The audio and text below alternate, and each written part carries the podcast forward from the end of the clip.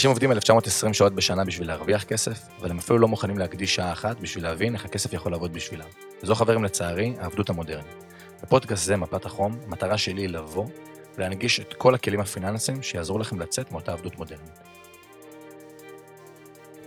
מה נשמע חברים? ברוכים הבאים לפרק נוסף של פודקאסט מפת החום. אז כמו שאתם כבר uh, מכירים, ואני מאמין שזה לא הפרק הראשון שאתם שומעים, אני, תפקידי פה להנגיש לכם uh, שיח שלי עם האנשים המומחים uh, בתחומם, בעולמות uh, פיננסים, שוק ההון, יזמות, עסקים, מכירות, מה לא.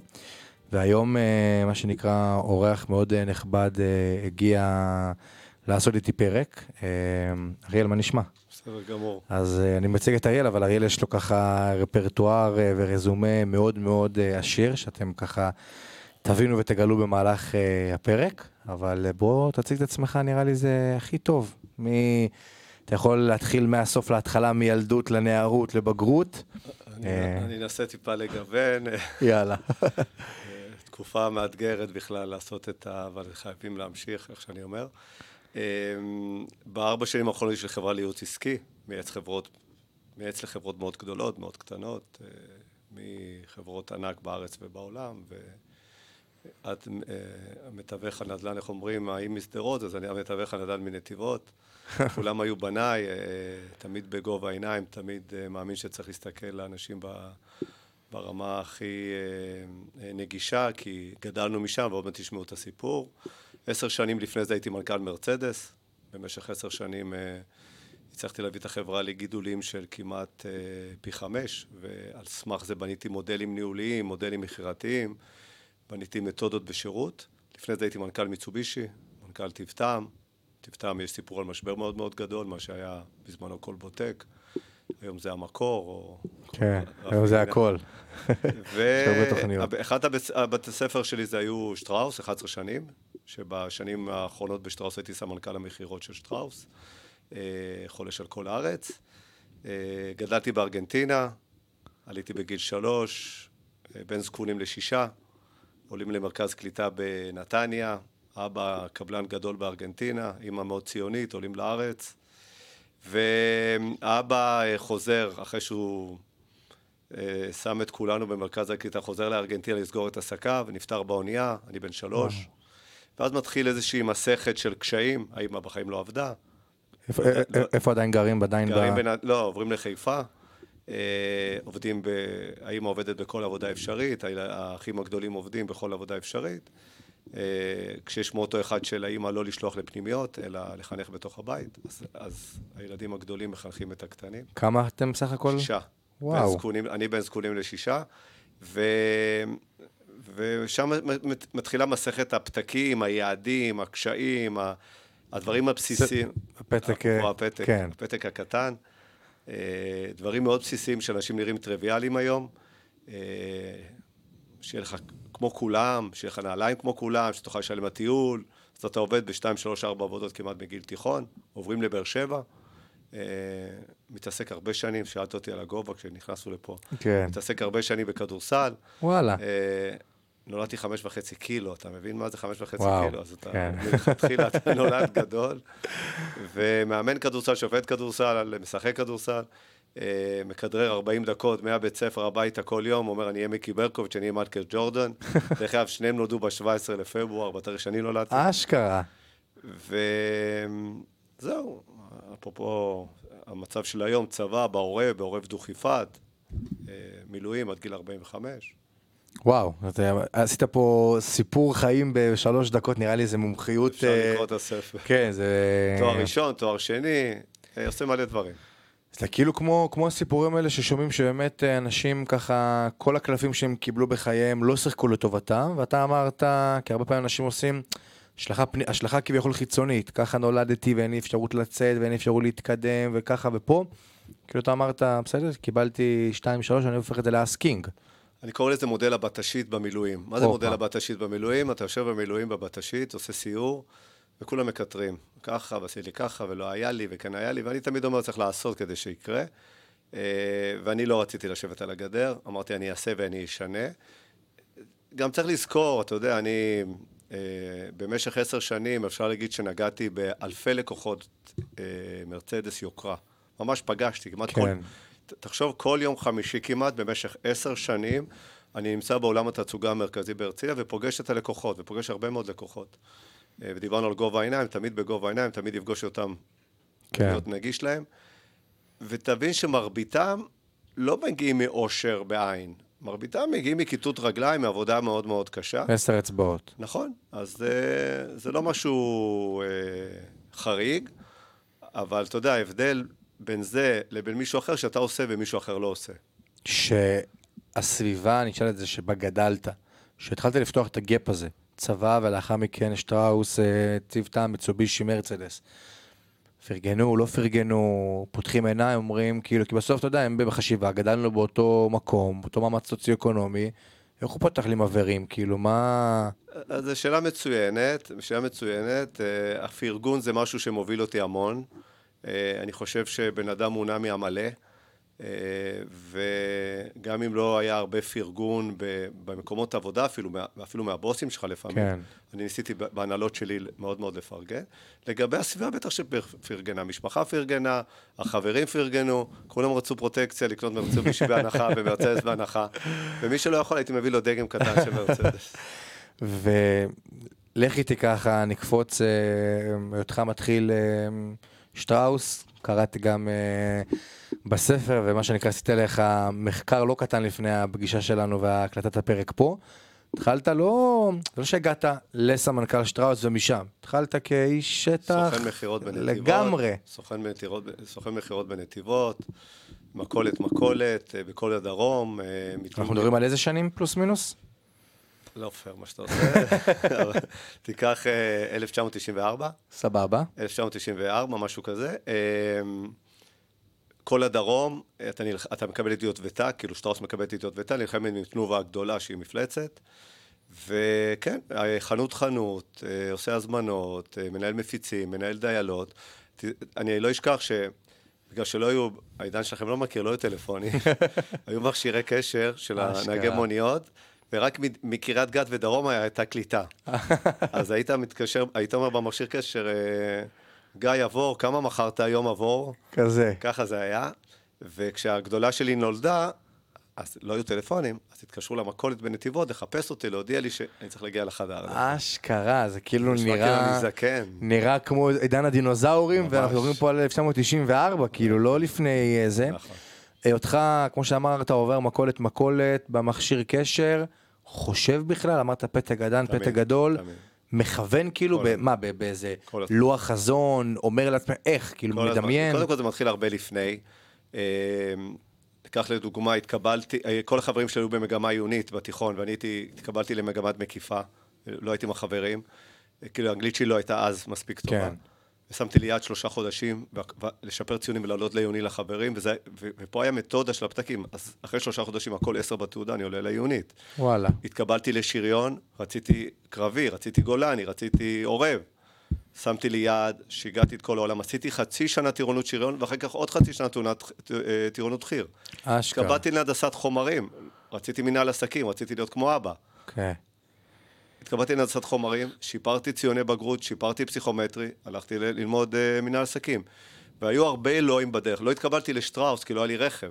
אש, וואו. אז אני בקשר כל הזמן עם מנהל הסניף, מנהל הסניף, מנהל הסניף, מתי יהיה תקן? ואז אני מתקבל לשטראוס. יכול להמשיך עם הלואים. כן, אבל אני כאילו אשאל, ואני עכשיו שומע את זה, יש ספר מפורסם בתחום ההתפתחות האישית, חזון, והכל נקרא הסוד. וכאילו אנשים יגידו, מה, אני שומע שנייה את אריאל מדבר, אני רואה לאן הוא הגיע, הוא אומר, רציתי, הרי בסוף גם, זה לא היה רק הרצון, היה גם פעולות פרקטיות. המון. אתה אומר, הפעולות הפרקטיות האלה, כאילו יש לך את ה vision בראש, אני רוצה להגיע להיות סמנכ"ל שטראוס, מנכ"ל מרצדס טיב טעם מיצובישי, ומה, רושם לעצמך איזושהי תוכנית מסודרת, עושה יעדים קטנים, רואים שהכנת שיעורי בית. אתה, אתה מכין תוכנית עבודה לעצמך. אני ידעתי איפה אני אגור, רציתי לגור בהרצליה פיתוח, רציתי לגור בלהבים וחיפשתי שם.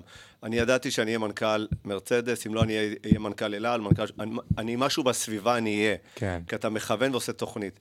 אבל אם אתה לא עושה תוכנית וצובר את הכלים, אז זה לא יקרה לבד. אמר, אני צריך תואר. ברור שצריך תואר. היום אולי הרבה מאוד מהדור הצעיר מדלג על התארים. אומר, לפחות תואר אחד במנהל עסקים צריך. צריך ללמוד מימון, צריך. צריך... אה, אה, אה, אני מאמין, בטח במדינת ישראל הקטנה, שאתה יכול להגיע לכל יעד. נכון. אבל אתה יכול לנסות. אתה רוצה לעבוד באוסם, באינטל, תכין את עצמך. תבין מה זה דורש ותכין את מה עצמך. זה דורש? תכין את עצמך, תכין לעצמך תוכנית עבודה, אתה מבין? אני תמיד אומר היום, בעולם הייעוץ, אני אומר, כל שעה שבזבזת לי ולא ייצרת לי משהו בעסק, זה 12% מהמחזור היומי. תחשוב על זה. כן. או כל חודש שלא עשית חודש טוב, זה 8.2 מהמחזור השנתי. אז יש לי תוכנית, זה משהו מאוד... אה, מדיד ברמת, כי עכשיו דיברת במה שאני מאוד מאוד אהבתי, מדיד אתה מדבר ברמת האחוזים, אתה כאילו לוקח שעה שהיא מאוד כללית, ואתה אומר, אני בסוף מודד את זה ברמה של אח שלי יקר, אחותי יקרה, זה, זה משפיע לי על המחזור היומי. ממש. עכשיו, לתוכנית של עצמך אתה ממש מודד. מודד לפי זמן, מודד לפי יעד. זה יכול להידחות בשנה שאתה... ברור. אבל אתה הולך לכיוון. אני טוען שאם אנשים יגידו לאן הם רוצים ללכת, יכוונו, יכינו איזושהי תוכנית, הם יגיעו קרוב. אפשר להגיד, הסוד זה מאוד מאוד... אה, ספר מדהים, אבל כן. הוא לא, הוא לא מתח... הוא לא פרקטי, הוא מאוד לא אמורפי פרקטי. כזה, הוא הוא מאוד, מאוד אה, אמורפי. כן. אז אתה מכין תוכנית עבודה, לעסק חייבים, תקציב, תוכנית עבודה, חזון, אסטרטגיה, זה נכון. ברור. דרך אגב, אני מלווה ארגון, ליוויתי ארגון של 2.8 מיליארד שקל בלי חזון, בלי תקציב, בלי תוכנית עבודה. יש כאלה. כן. אבל אם אתה עושה את זה לרמה האישית, תוכנית עבודה לעצמך, זה מדהים. כי, כי גיא, מה שקורה, אחד, ה, אחד הטריקים, כשאתה מתכנן משהו, אתה לא עושה משהו אחר. ברור. כאילו, אתה, אתה גם הולך באיזשהו direction מאוד מאוד ברור, ואתה נכון. מבין, אני הקלטתי פה פרק לפני איזה חצי שנה, פרק על קבלת החלטות, ואמרתי ששרי קבלת החלטות, הרבה אנשים אומרים לי, איך הוא כזה קל אצלך? ואני אומר, ומתחבר מאוד למה שאתה אומר, ברגע שיש לי תוכנית מסודרת, אז אני מבין האם ההחלטה תקדם אותי לעבר המטרה או לא תקדם אותי לעבר המטרה, ואז ההחלטה היא כמו שריר. ברגע שאין לי מטרה, אז אני אצא פה טיפה צהוב, אבל גם ברוח התקופה, זה כמו שאני אכנס למטווח, אני אירה בלי מטרה. הפעולה קרתה, הכדור יצא מהקנה, אני משקיע את הכסף שלי בשוק ההון, אני פותח, פתחתי עוסק מורשה, הפעולה קרתה. לאן אתה רוצה להגיע? האם הפעולות שאתה עושה מקדמות אותך או לא מקדמות אותך?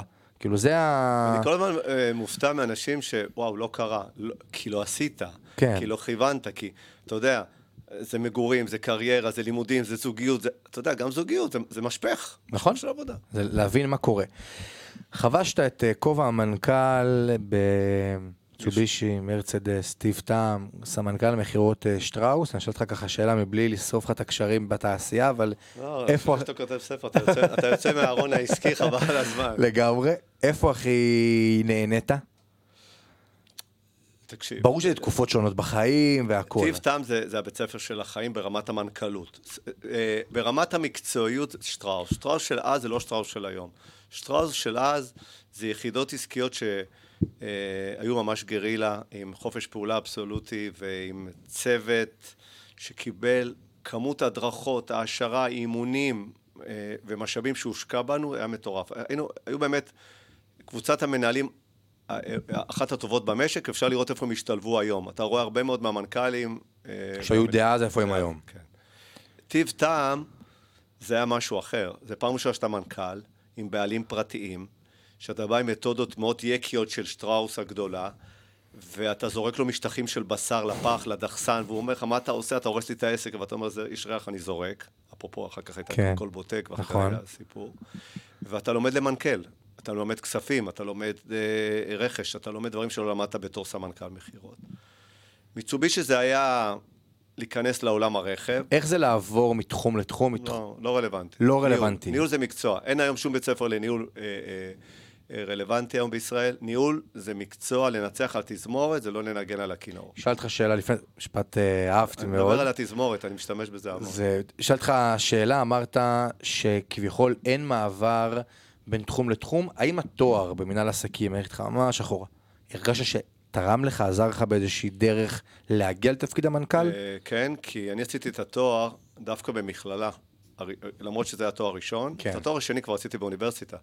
אבל תואר ראשון, לפחות בתפיסת העולם שלי, היום זה קצת השתנה, במכללות, זה, באים לך מרצים מהפרקטיקה, בא לך סמנכ"ל קוקה קולה להרצות על שיווק. הבנתי, לא כמו היום. אז, אז, ויכול להיות שהיום קצת האוניברסיטאות, כמו הבינתחומי וזה, זה הולך ו, ומשתנה.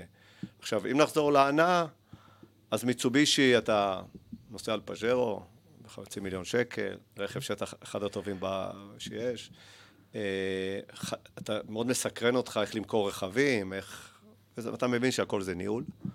הכל זה ניהול? אני, לי, אתה יודע, כי יש, אם תהיה מנהל מכון ויצמן, כנראה אני לא מתאים. כן. אבל לנהל כמעט חברת סלולר, זה, זה פחות רלוונטי אם, אם באת עם הרקע. אתה לא חייב לנהל את אילת, כדי- לא חייב להיות טייס כדי לנהל את אתה אילת. מתמקצע, בדיוק, אתה מתמקצע לאט לאט בתת סקטור, תעופה, אה, קמעונאות, אה, רכבים, אבל בדיוק, ולא- ו- ו- ו- זה- זה- את הכל אני מסביר היום ומלמד, וזה שתביא תמיד אנשים יותר טובים ממך, מתחתיך, בתחומים שהם עושים, בכספים, ברכש, בשיווק, תמיד, תמיד הם ימתחו אותך. ואז אתה מנצח על תזמורת. אתה עושה רק ככה, אתה יודע, גם אם לא יסתכלו על המנצח שהוא עושה עם המקל, כן. המנגינה תצא. לגמרי. ואתה לא יכול לרוץ ולנגן קוקלי. ואני בארבע שנים האחרונות מלווה יזמים, שהם הפכו להיות מנכ"לים, ויזם הוא לא מנהל. רובם לא מנהלים. נכון. הם מנהלים אפילו לפעמים גרועים. אז, אז או שאתה מביא מנכ"ל כשאתה חברה גדולה, או שאתה לומד לנהל. אז, אז מבחינתי, מיצובישי זה היה לנהל. וראיתי שהשיטה עובדת. אתה ממנכ"ל פה, ממנכ"ל שם. אני אעצור אותך רגע לפני מרצדס, כי אנחנו, שם אנחנו נמשיך כבר עכשיו זה, הפסקת אבל... פרסומות? לא, לא, אבל עשיתי כאילו יש הפסקת פרסומות, אבל אמרת, יזם, לא, כביכול, הוא לא בהכרח מנכ"ל טוב. שאלתי אותך שאלה אולי קצת אה, מאתגרת. מה ההגדרה מבחינתך למנהל? כי יזם מבחינתי, אני אתן לך דוגמה, פותח עסק, רעיון, יש לו vision, הוא בהתחלה one man show, אני קורא לזה הקוף בעסק, הוא עושה את כל הדברים, הוא החליט לפתוח חברה, להביא כמה עובדים תחתיו, ומשם הוא מתקדם, אם הוא עכשיו רוצה להיות גם ה founder, וה... אה, ניקח את אה, רמי לוי עם הקיוסק הקטן בירושלים אז בזמנו. מה הפער שאתה מזהה, אני שאלתי שתי שאלות, בין ה- אותו יזם למנכ"ל, שהוא חוטא, כי יכול להיות שהוא מאוד מקצועי אבל הוא לא מנהל, ומה ההגדרה מבחינתך למנהל, כאילו, מה זה מנהל? תראה, אני אומר, בסוף הרבה מאוד מהעסקים, גם שטראוס, גדלו מיזמות, אבל באיזשהו שלב יש בתי ספר, בתי ספר במרכאות, כן. גם אקדמיה אבל גם לא אקדמיה, שאתה לומד שיטות איך להפיק תוצאות. אני, אני כבר מלווה אולי עשרות אר, אה, עסקים, חברות, ארגונים עצמאיים בודדים, ואני יכול להגיד לך אה, שיזם שהוא, ורובם ארגונים מאוד מצליחים, ועסקים מצליחים, אני לא, אני לא, לרוב לא יצא לי ללוות עסק כושל. כי הם מגיעים אליך שהם רוצים לה- רוצים- להגיע לנקסט לבל. זה מדהים דרך אגב, שיש להם את הצורך לעשות את ה... נכון, אתה אומר נכון. ומבחינתי מנהל, זה, זה הכי נדוש, אבל זה להביא תוצאות באמצעות אנשים, באמצעות אחרים, באמצעות מנהלים. אני טוען, ואני יכול להוכיח, שבעסק בינוני, המנהל, השולחן שלו ריק. כי אם יש לי את כל המחלקות, עם מאייש, עם אנשים מאוד מאוד טובים, מתגמל אותם, ואנשים עצמאיים וכולי, כל משימה אתה מעביר למישהו. אז המנכ"ל יכול להיות אולי יותר בתקציב ובפיתוח העסקי, אבל השולחן הוא ריק, ובאיזשהו שלב שאתה מנהל מאוד מאוד טוב, אתה די משתעמם. ואתה יודע, אחת הסיבות שעשיתי פי חמש, משעמום. כי כבר לא ידעתי מה להמציא, עשיתי אירועים באוניות, עשיתי אירועים במטוסים, עשיתי אירועים במכתשים נטושים, עשיתי... כי אתה יודע, אתה רוצה לרגש את עצמך, ואז אתה מביא עוד, ממציא עוד משהו ועוד משהו ועוד כן, משהו. הוא פעם מקדם אותך טיפה. עכשיו, אה, וכדי להצליח להיות מנהל, אתה צריך לדעת מה אתה לא טוב, להביא אנשים מאוד מאוד חזקים תחתיך, ואם אתה יזם, שאין לך את היסודות, תנהל שגרות, תעשה ישיבת צוות, תעשה פעיינים, תבנה לך סט דוחות, אבל לא, נראה מה יהיה. הבנתי, שכאילו יזם, יצא לך ללוות יזמים שאמרת, וואי, הם הפכו עם הזמן להיות מנכ"לים אה, מצוינים?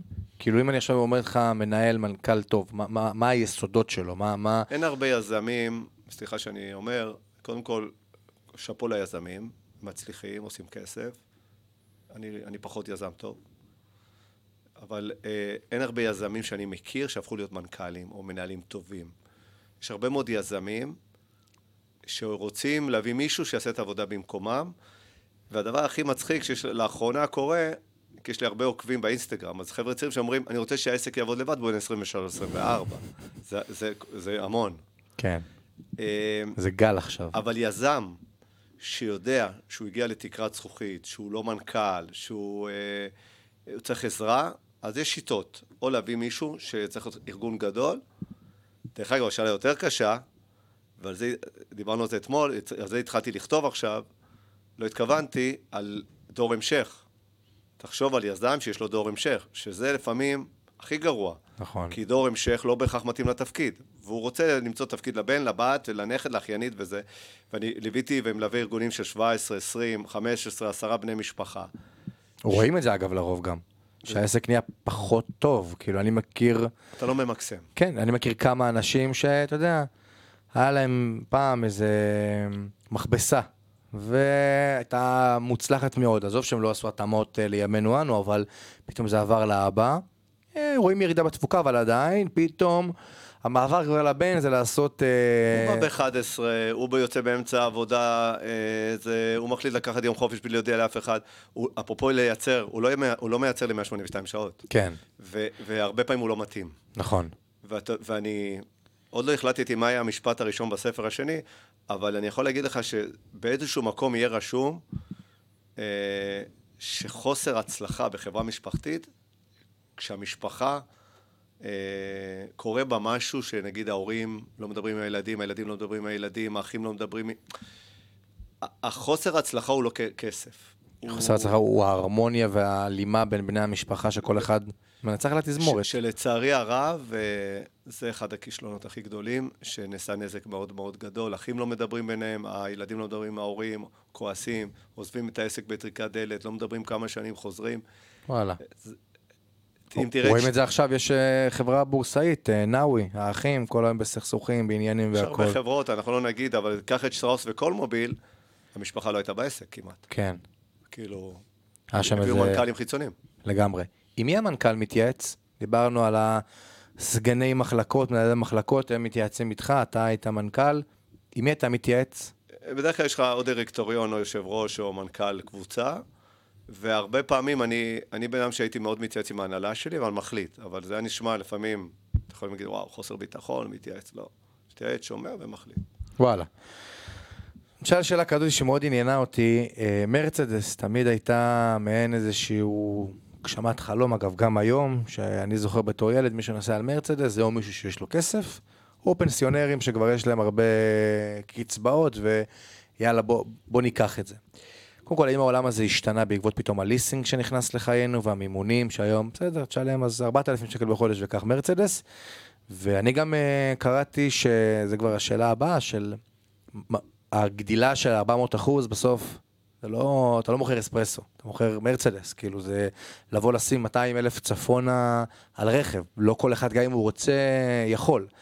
אז איך עשית את זה, להנגיש את זה לקהל הצעיר? תראה, קרו כמה דברים. ברגע שקודם כל הגיעו מותגים ב-2011 יותר זולים, של כמעט 200 אלף שקל, ה-A-Class וה-CLA, אה, זה אפשר לי, והבאתי גם רכבים טיפה יותר ערומים, זה אפשר לי להקפיץ אנשים מהרכב העממי.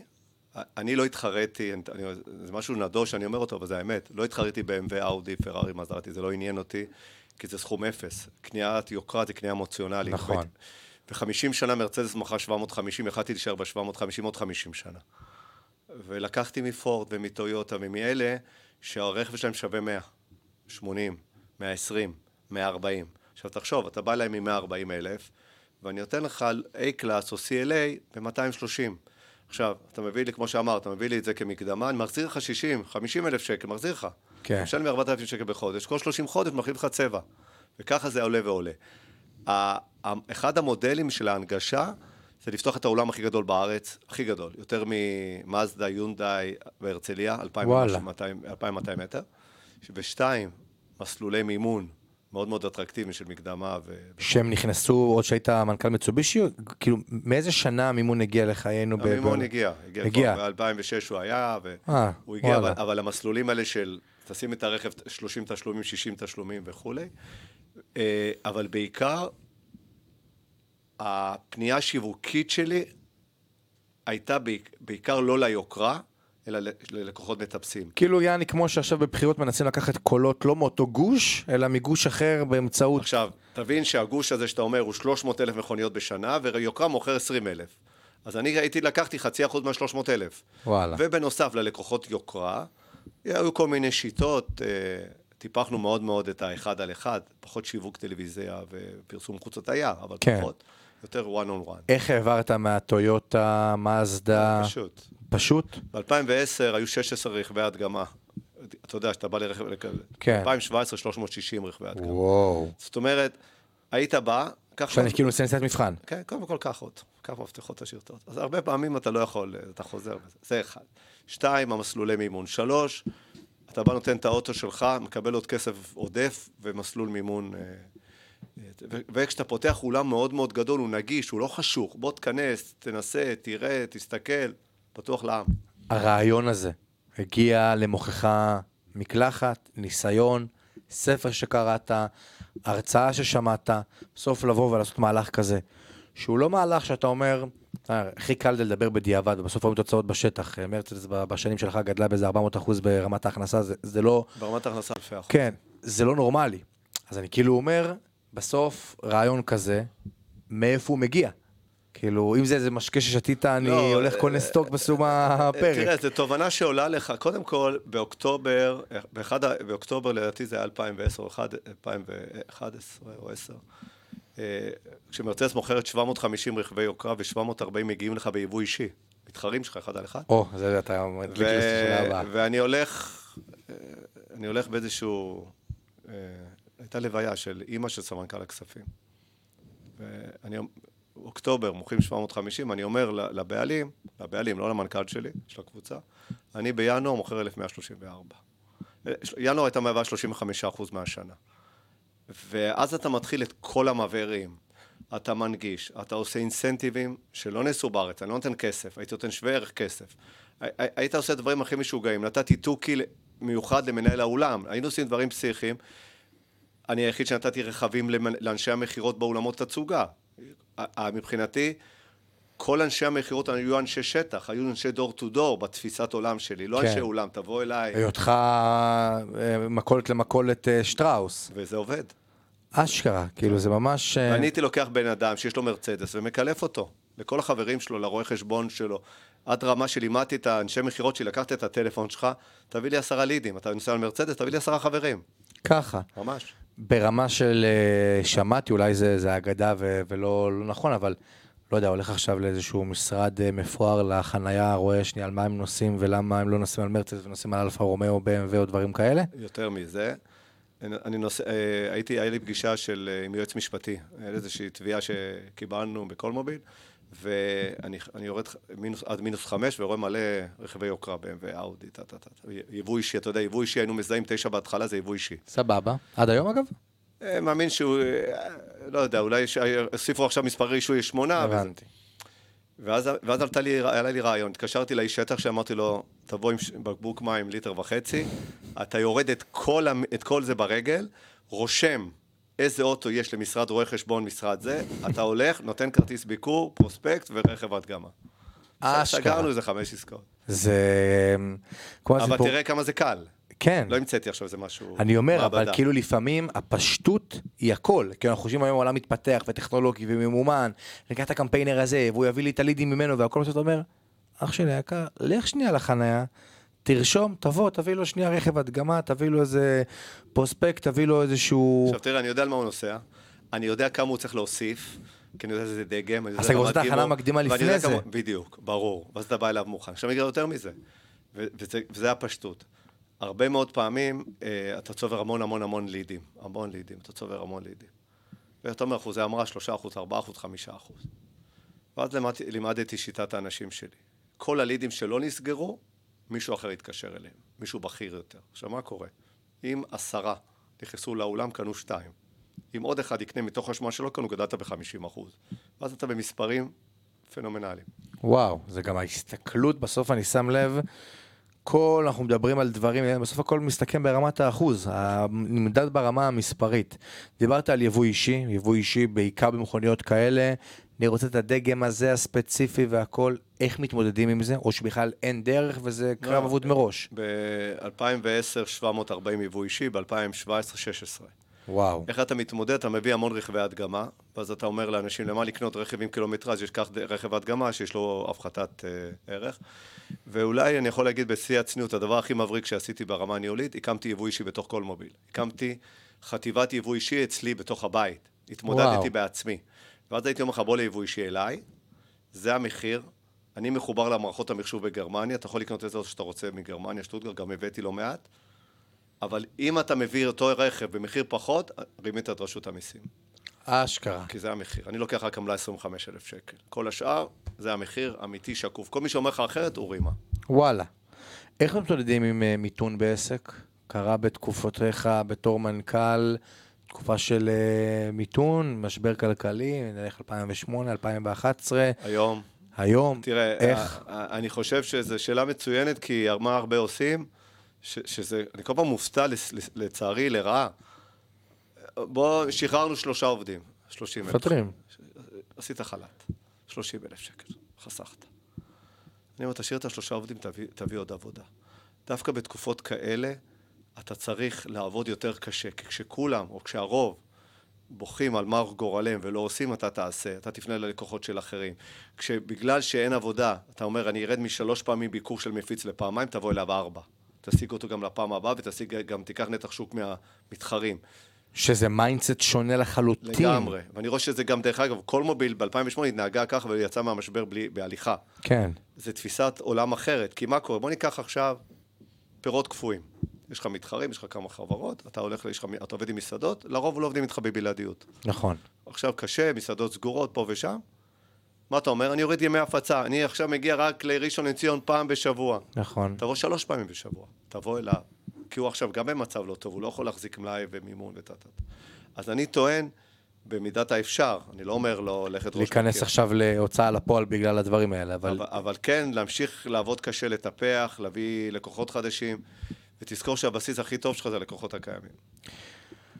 אני קראתי, שמעתי שאחת האסטרטגיות אה, שיווק היו בהטמעת המחיר בפרסומות. אה, מה עומד מאחורי המהלך הזה? אני תמיד מסתכל ואומר, "בסדר, אז יש מחיר. כאילו מה, כדי להנגיש, כי נתפס ברעיון שהמחיר של מרצדס הוא. חצי מיליון ובסוף הם רואים 200 אלף? התל- הרבה פעמים התלבטתי, זה היה ולא היה, זה היה חלק מהפעמים וחלק לא היה, זה כל הזמן לא הייתה באמת אה, אה, אה, תפיסה חד-ערכית, אבל כשאתה בא ואומר, יש לך מרצדס חדשה ב-189-900 ב-E-Class, אתה מנגיש בצורה פסיכית, ואז אתה עולה גם לטלוויזיה, מה שמרצדס לא עשתה כמעט אף פעם, ואז אתה מבין שכל אחד יכול לקבל. אז וואלה. אתה רואה את ה... אתה מביא, אתה מביא למשפך, גם אם הוא לא קונה, אתה מביא למשפך, אז אם לא, הוא לא קונה, הוא יקנה יד שנייה. כן, אז הוא, כן, בדיוק, אז הוא, הוא ב- בשבעה עם חברים, כי הוא יושב והוא רואה ערוץ הספורט בדיוק את הדרבי של הפועל נגד מכבי, ופתאום בפרסומת יש לו מרצדס 189, הוא אומר לאישה, בואי נחליף את הכאי הספורטאז' למרצדס, כאילו, זה כל הוסיף עוד 40 אלף שקל. אז הוא מגיע לעולם תצוגה, ובסוף יוצא בעוד 80 אלף שקל. לך תמיד קונים את הרכב היותר יקר. כן, זה. זה תמיד. איך יוצרים תרבות ארגונית בממוצע, בסדר? עובד מחליף עבודה, שלוש, ארבע שנים, איך, מחליפי, איך יוצרים תרבות ארגונית של להבין שאני לא השכיר שבאתי 9 to 5 ואני הולך הביתה, יאללה. שהוא ירצה שהמכירות יגדלו. כי בסוף אם רק הרצון היה אצלך, העסק לא היה מצליח. העסק צריך להיות, הרצון צריך להיות אצלי שהמכירות בשטח, בעולם התצוגה בחיפה, ש- שהוא ירצה. איך, אה, איך יוצרים את זה? אחד הדברים הכי חשובים שאני למדתי אחרי הרבה מאוד שנים, שהבסיס להצלחה של עסק וחברה, ארגון, זה מחוברות העובד לארגון. מה אתה אומר ביום שישי על החברה? מה אתה מדבר עליי? עליי? נכון. מה אתה מדבר על המותג? אם אתה לא מדבר טובות, חבל על הזמן, שום דבר לא יעזור. אז קודם כל אתה צריך להיות מאוד מאוד הוגן עם העובד, מה שאתה מתגמל אותו וכולי. אתה יודע שהבסיס, וזה עונה לך בצורה מאוד יפה לשאלה, הבסיס להישארות של עובד בארגון זה מנהל ישיר, לא תנאים, לא שכר, זה מדעי. כן. מדעי. ואחר כך שכר ותנאים והעבודה. זה אחד. שתיים, אתה כל הזמן משקיע בו. שלוש, הדבר הכי חשוב, לתת משוב ותיאום ציפיות באופן תדיר. וואו. וואו, ב-15 לינואר יש לי שיחת הערכה. לא רלוונטי, סבבה. תעשה כל רבעון שיחת הערכה, תעשה תיאום ציפיות. אני אשאל אותך, גיא, מה מבחינתך זה הצלחה? מה אתה צריך ממני? לדבר. גובה. העיניים. גובה העיניים. אתה מדבר איתי, אני מדבר איתך, ואני... עכשיו, אני אגיד לך מה זה ווין ווין. כשאני אומר לך מה אני מצפה ממך, אפרופו יעדים, אפרופו מסלול, אל תעשה משהו שלא מצפה ממך. אתה חושב שזה עושה לי טוב לעסק, אני, אני קובע. תעשה מה שאני ביקשתי. אם אני רוצה שתמכור A Class, אל תמכור לי C Class.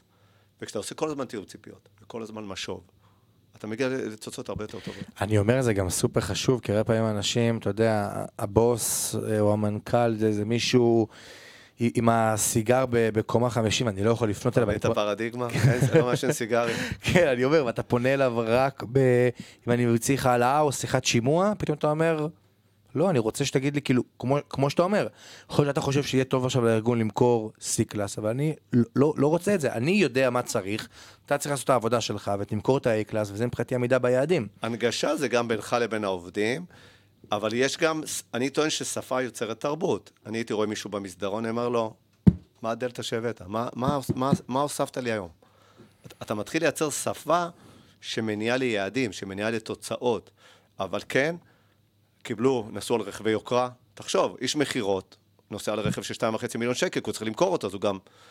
לי היה כלל, כולם חייבים לנסוע על כל הרכבים. עכשיו, זה, מבחינתי זה עבודה. נכון. ולא באמצע השבוע, דרך אגב, כי באמצע השבוע אין לו זמן, רק בסופאשים. כן. עכשיו, זה היה מלחמות עם כל מוביל, כי במיצובישי יונה זה לא היה. אתה נותן להם לנסוע על רכבי יוקרה, נותן להם את ההדרכות הכי שוות, אתה מביא אותם לאירועים הכי שווים, אתה מתגמל אותם כמו שצריך. זה, זה, גם, זה גם מעבר בסוף, כמו שאמרת, זה גם ליצור איזה, כמו שבין בני זוג יש איזו שפה משותפת שרק הם מבינים בינם לבין עצמם, אז גם שכל העובדים בארגון, כמו שאתה בא ויודעים במסדרון, שאם עכשיו פוגשים את אריאל, זה מה הדלתא שהבאת לי, והוא מחכה כבר כי הוא יש לו וויקנד עם אשתו והילדים בצימר בצפון, והוא מחכה לנסוע על הרכב היוקרה הזה, והוא מתכנן את זה. בסוף זה דברים... זה גם, לא, וגם, אבל סליחה שאני כותב, גם אין לנסוע על רכב יוקרה בלי לתת לי פידבק. אם לקחת רכב ולא עשית לי השוואה, מה אהבת, מה לא אהבת מול רכב כזה, אתה לא תקבל בחיים רכב יותר. וזה כאילו גורם להם, צריך תמיד גם להשתפר, והם משתפרים גם הם בתור עצמם, בתור בני אדם, כי הוא מבין שיש עליו וידוא ובקרה, וזה לא שגר ושכח, נכון, נכון. וזה כאילו נכון. עבודה, עבודה מוחלטת. איך אתה תופס את עולם המכירות, בעיקר אני עכשיו uh, קניתי רכב uh, לפני uh, שבוע בדיוק, אופל את האמת, לא מרצדס, אבל איך אתה תופס את עולם המכירות? חייב לשאול אותך מי קונה אופל. כאילו, לא, סבבה, אבל למה אופל?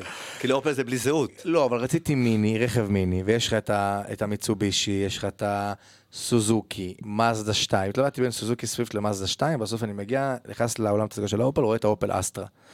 עשיתי נסיעה, היא מגיעה כבר ברמת לא, גימור מקצה אבל לקצה. הבעיה שלה זה היד השנייה גם אחר כך. כן, אבל אני, אני לקחתי. מהחברה, אז אמרתי כאילו, כן. מה שיהיה. בהצלחה. תודה. אבל איך אתה תופס אה, את עולם המכירות שאצל רבים הוא מצטייר כאיזשהו, הנציג שירות שמתקשר מאוד, שרק רצינו להציע חבילה, כי בסוף הרבה פעמים זה הגעתי לעולם תצוגה, איך אחרי זה אני שומר את האיש מכירות, את הפולו-אפ, את הדברים האלה, כי בסוף זה, זה עולם שהוא הוא לא מכירה קלאסית, למכור רכב. אה, קודם כל, מערכת אה, ניהול לקוח, CRM, כולם עכשיו הולכים להרבה מאוד מערכות CRM, יש לך נכון. מאנדיי וכולי.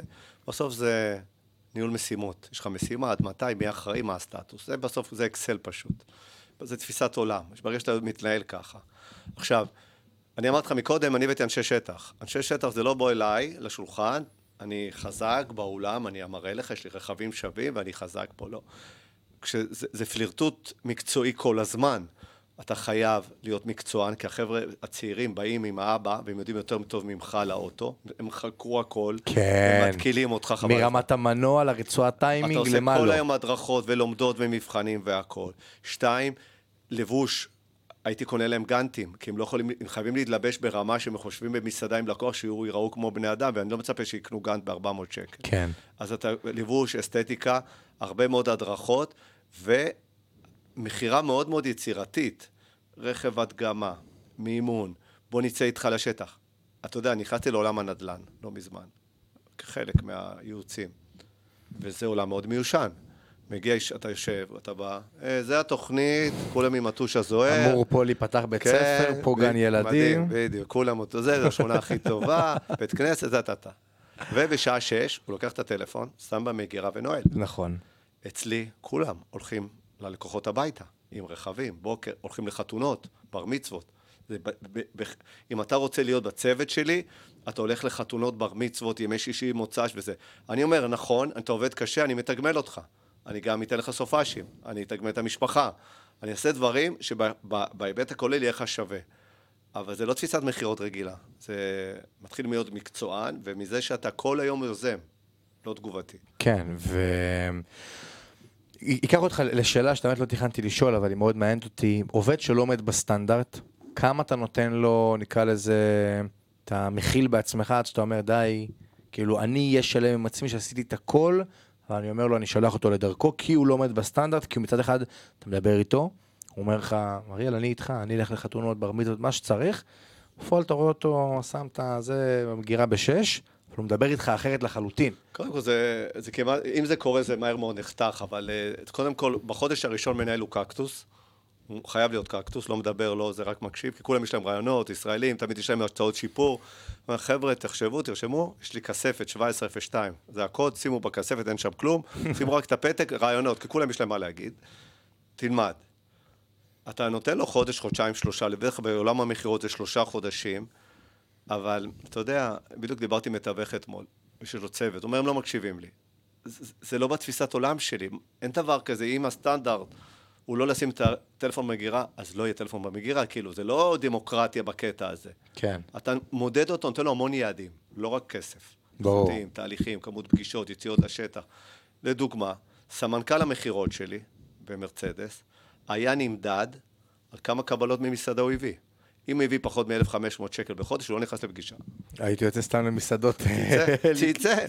אבל בכל מסעדה יש לקוחות יוקרה. כן, זה, זה, זה כאילו, אני אומר, בגישת תפיסה, זו גישה מאוד מודרנית, אני אומר, מודרנית כאילו אני בן איזה 200, אבל זה מאוד מודרנית, שאתה כאילו אומר, אני לא מודד אותך על פי כמה פגישות עשית, אני רוצה. שתשב, תשתה את הכוס יין שלך ותתחיל לדבר עם אנשים מסביבך ולראות מה קורה. בדיוק. עכשיו, אם אתה, וזה, וזה זה אני יכול להגיד לך שזו הייתה משימה קשה, לא תמיד הצלחנו בה, בכנסים, באירועים, איך אתה מתחיל במרכאות עם לקוחות, זה מאוד מאוד מאוד קשה. מאוד קשה. אתה מרגיש שאתה לא ברמה, אתה מרגיש שהוא... אתה לא רוצה גם. להציק לו, נכון, לבוא עליו נכון. עכשיו, שגם נכון. זו אומנות. זו אומנות בפני עצמה, שהיא, היא- אומנות המינגלינג היא משימה לא פשוטה, לא תמיד הצלחנו, לא עם כולם.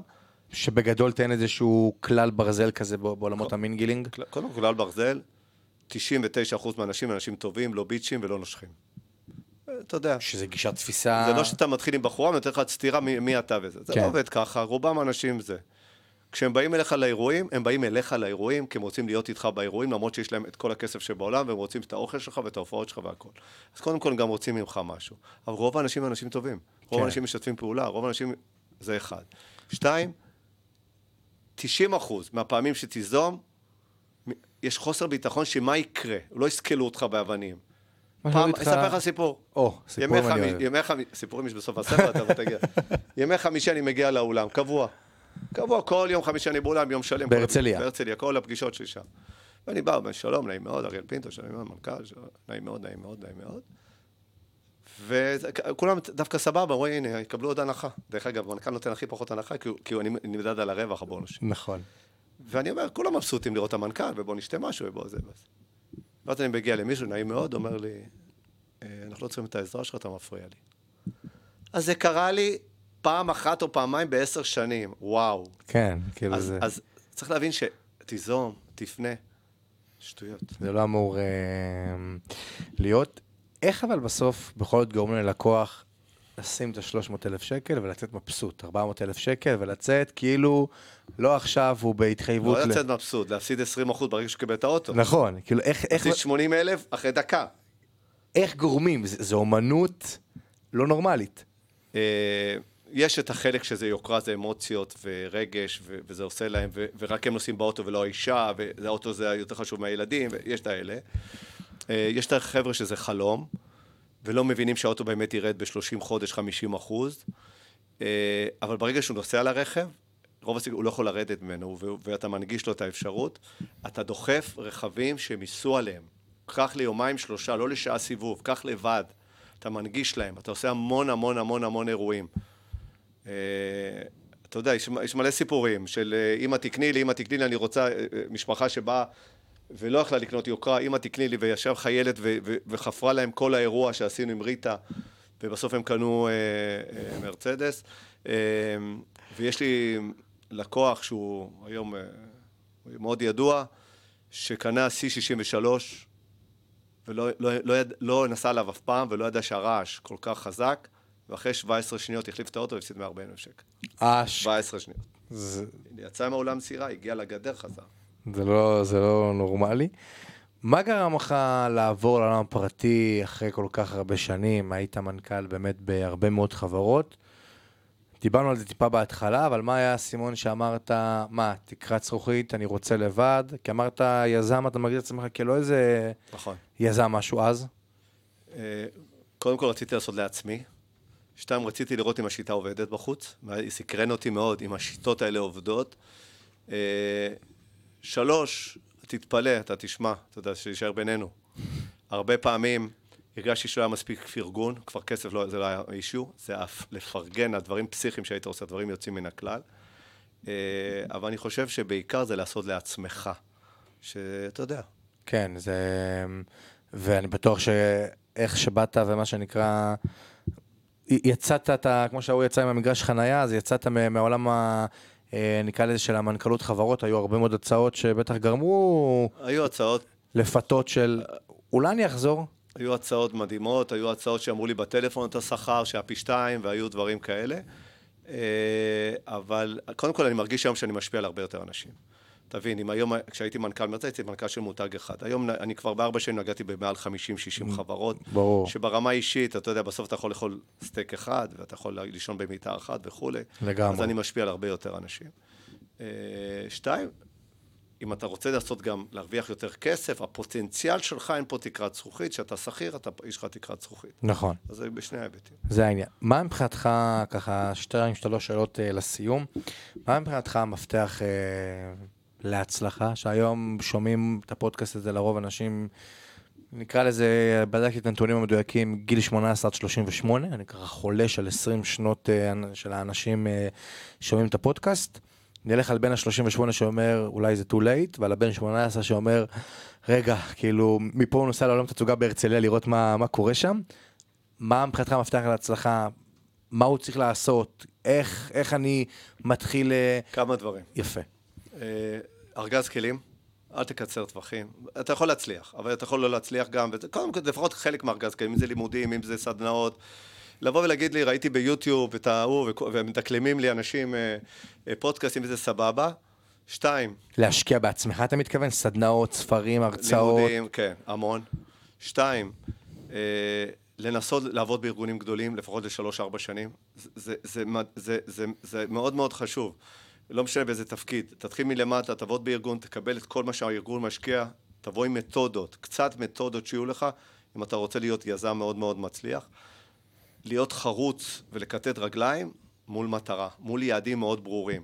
בסוף, אתה יודע, אם, אם נצליח אחרי הפודקאסט הזה, שאנשים, יהיה להם איזשהו יעד לחודש הקרוב, לשנה הקרובה, מה הם רוצים להשיג, אז הם ישיגו. נכון. אתה יודע, אם אתה רוצה ללבוש צהוב, אז אל תתפלא שאתה עם ירוק, אם לא, לא החלטת שאתה קונה צהוב, כי אין לך צהוב בארון. כן. אז ברגע שיש לך תוכנית, אתה מגיע. עכשיו, אתה יודע מה קורה כשאתה מגיע? אתה הרבה יותר מבסוט. ברור. עכשיו בסוף יום אתה עשיתי, עשיתי. מה, זה כמו שיש לך את הקוביות האלה של הצ'קליסט, ואז אתה מסמן, אני עובר בסוף יום או בסוף שבוע, מסמן, מסמן, מסמן.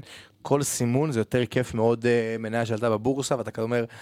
וואו. בהנחה כאילו... שקבעת יעדים מותחים, לא, כן, לא, לא יעדים, ש... לא אני מחר אני רוצה ללבוש חולצה צהובה למשרד, אלא יעדים שאתה אומר כאילו, זה יוציא אותי מאזור הנוחות וזה יוציא אותי מאזור הנוחות. ואין בעיה, דרך אגב, שתהיה מאלף כלבים, באמת אני אומר, אבל תחליט שאתה מאלף כלבים ואתה מבסוט להיות מאלף כלבים.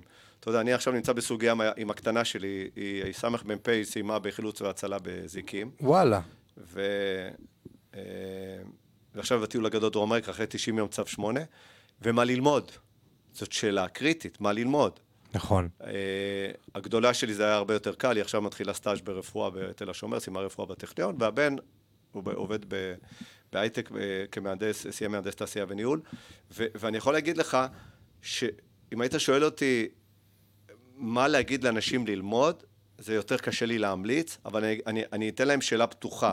Oh. תחשבו איך החיים שלכם אתם רוצים שייראו.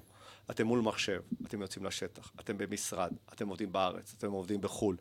תענה על כל השאלות, תתאר לך עולם, אני רוצה להיות כמוהו, אתה רוצה להיות בדיוק כמוהו, תוכנית, ולך תהיה כמוהו, זה קל. בול. אני יכול להגיד לך שזו אחת הסיבות העיקריות שאחד מהדברים שאני הכי אוהב לעשות זה לקרוא ולשמוע ביוגרפיות של אנשים, כי אם אני רוצה להיות כמוהו, סתם מוורן באפט לביל אקמן, ל... אילון מאסק, דיברתי פה עכשיו על יזמים מאוד מאוד גדולים, אתה צריך להבין מה הוא עושה, וכמו שאמרת, אני חושב שאחד מהדברים היום שבעיקר דיברת על הקטנה שהיא אחרי צבא והכל, וזה להבין איפה אני רוצה להיות, ואיך החיים שלי, איפה אני רוצה לגור, איך האישה שלי, מה התחביבים שלי, מה השכר שלי, כמה ילדים והכל. לפי זה תבין שאם עכשיו אני הולך להיות סתם, אה, להרוויח משכורת של עשר, כנראה אני לא יכול לגור בתל אביב עם חמישה ילדים. כאילו, יש פה איזשהו פער בתפיסה. ואז או שאני אוותר על החלום, מה שלא נראה לי הרבה אנשים רוצים, או שאני אתחיל להתקדם לכיוון המטרה שלי. כאילו יש פה שני... תראה, זה מסע קשה. ברור. אתה רוצה לגור בתל אביב, תגור בתל אביב. תסתובב, תסתובב, תסתובב, עד שתמצא את ההוא שמוריש לך משהו, או את ההוא עם התמה. אבל אתה תמצא. בסוף זה תמצא. כן. אתה רוצה לגור בתל אביב, אתה תגור בתל אביב. אתה רוצה לעבוד בעבודה מסוימת, תעבוד בעבודה מסוימת. בסוף תזכור, סיפור טסלה הוא, הוא מאוד מפורסם, אבל אני אספר לך אותו רק כדי להבין את האפשרות להגיע לכל דבר. אה, סוף 19, ידיעה בוויינט, אריאל פינטו התמנה למנכ"ל טסלה. לא, לא התמניתי, לא הציעו לי אפילו, אני מאוד נעלבתי. באמת? יעקב אלפרין מתקשר אליי, אומר לי, מזל טוב, אמרתי לו, איזה, מהמשקפיים. כן. אמרתי, לא התמניתי. הוא אומר לי, מה לא התמנית? אין דבר, שלח לי קורות חיים. הבן שלי גר ליד המשרדים של טסלה. הבן שלו, שיומיים שלושה מנסה לדחוף את הקורות חיים שלי, סמנכ"ל משאבינו של טסלה, לא מצליח. לוקח את הבחור עם- אה, מהדואר, שאתה בארצות הברית עם הדואר, שבאים ומחלקים דואר, נותן לו 100 דולר, אומר, אתה רואה, תקשיב, תעלה ל-HR, ל-VP, HR, בטסלה, שים את הקורות, המעטפה הזאת אצלה בשולחן, למחרת אתה מקבל טלפון. זהו. הכל אפשרי. סיפור אה, גדול. אה, יש פה את הספר שלך, אני יכול להגיד לך שקראתי אותו מדהים, ממליץ מאוד מאוד לכולם. אתה עובד גם על ספר חדש, הבאת איזשהו טיזר קטן בתחילת הזה. מאיפה נבע הרצון? אתה יודע שאני בדקתי את ההגדרה, שבן אדם שרשם שני ספרים במדינת ישראל הוא מוגדר סופר. אז מעבר למנכ"ל, אתה גם תוגדר אחרי הספר השני כסופר. כרגע אתה מחבר רב המכר, אה. שזה... אה, יצא לי ללוות בעיקר חברות משפחתיות ושותפויות, בעיקר חברות משפחתיות, ואני חושב שאחרי 40 חברות, אני חושב שפיצחתי את זה שלרוב זה לא עובד, זה הפיצוח, ואם זה עובד צריך לעשות, לעבוד בזה קשה. לא, דרך אגב, לא לבוא לרואה חשבון איך לחלק את הירושה ואת הכסף, ברור. אלא לרוב אה, לעשות את זה נכון. מהבטן, אני אומר, רוב העסקים צריכים לא להכניס דור המשך, או להכניס אחד, או לעשות את זה עם תיאום ציפיות מאוד ברור, ששורה תחתונה, לא לגרום שיהיה איזשהו סכסוך בתוך שהרבה פעמים זה גם קשה, כי אני רוצה שימשיכו את המורשת שלי, ואני רוצה אתה שימשיכו... רוצה, הם לא רוצים. נכון. כאילו, יש איזשהו דיסוננס בין אני מלווה הדברים. אולם שמחות שהוא לא רוצה להיות... כן, הוא לא רוצה להתעסק עם זוגות שבאים לחתונה, הוא רוצה להיות, אה, לעבוד מול מחשב ולעשות אה, תכנות. ממש. ואבא אומר, לא, אני רוצה, וזה, ואז הוא משחק לו למצפון, ובא, והעסק יקרוס, מהסבא, העסק וזה, וטה-טה-טה, וחיתנתי את הסבתא פה. זה מדהים. שאלה אחרונה לסיום, אני שואל ככה כל אה, יזם, מנכ"ל, איש עסקים גדול שמגיע לכאן אה, להתארח. שלט באיילון, בסדר, מחר אתה קם בבוקר, יש אפשרות שלט באיילון, כותרת ראשית בעיתון, לא משנה, ניקח את הבמה הגדולה ביותר אצלנו. מסר לא פרסומי, לא יודעים שאתה פרסמת שום דבר, לבן על גבי שחור. מהו המסר? ואני אגיד שאת המסר שלי, אומר אותו כל אה, פודקאסט. אנשים עובדים 1920 שעות בשנה בממוצע כדי להרוויח כסף, והם לא מקדישים שעה אחת כדי להבין איך כסף יכול לעבוד בשבילם.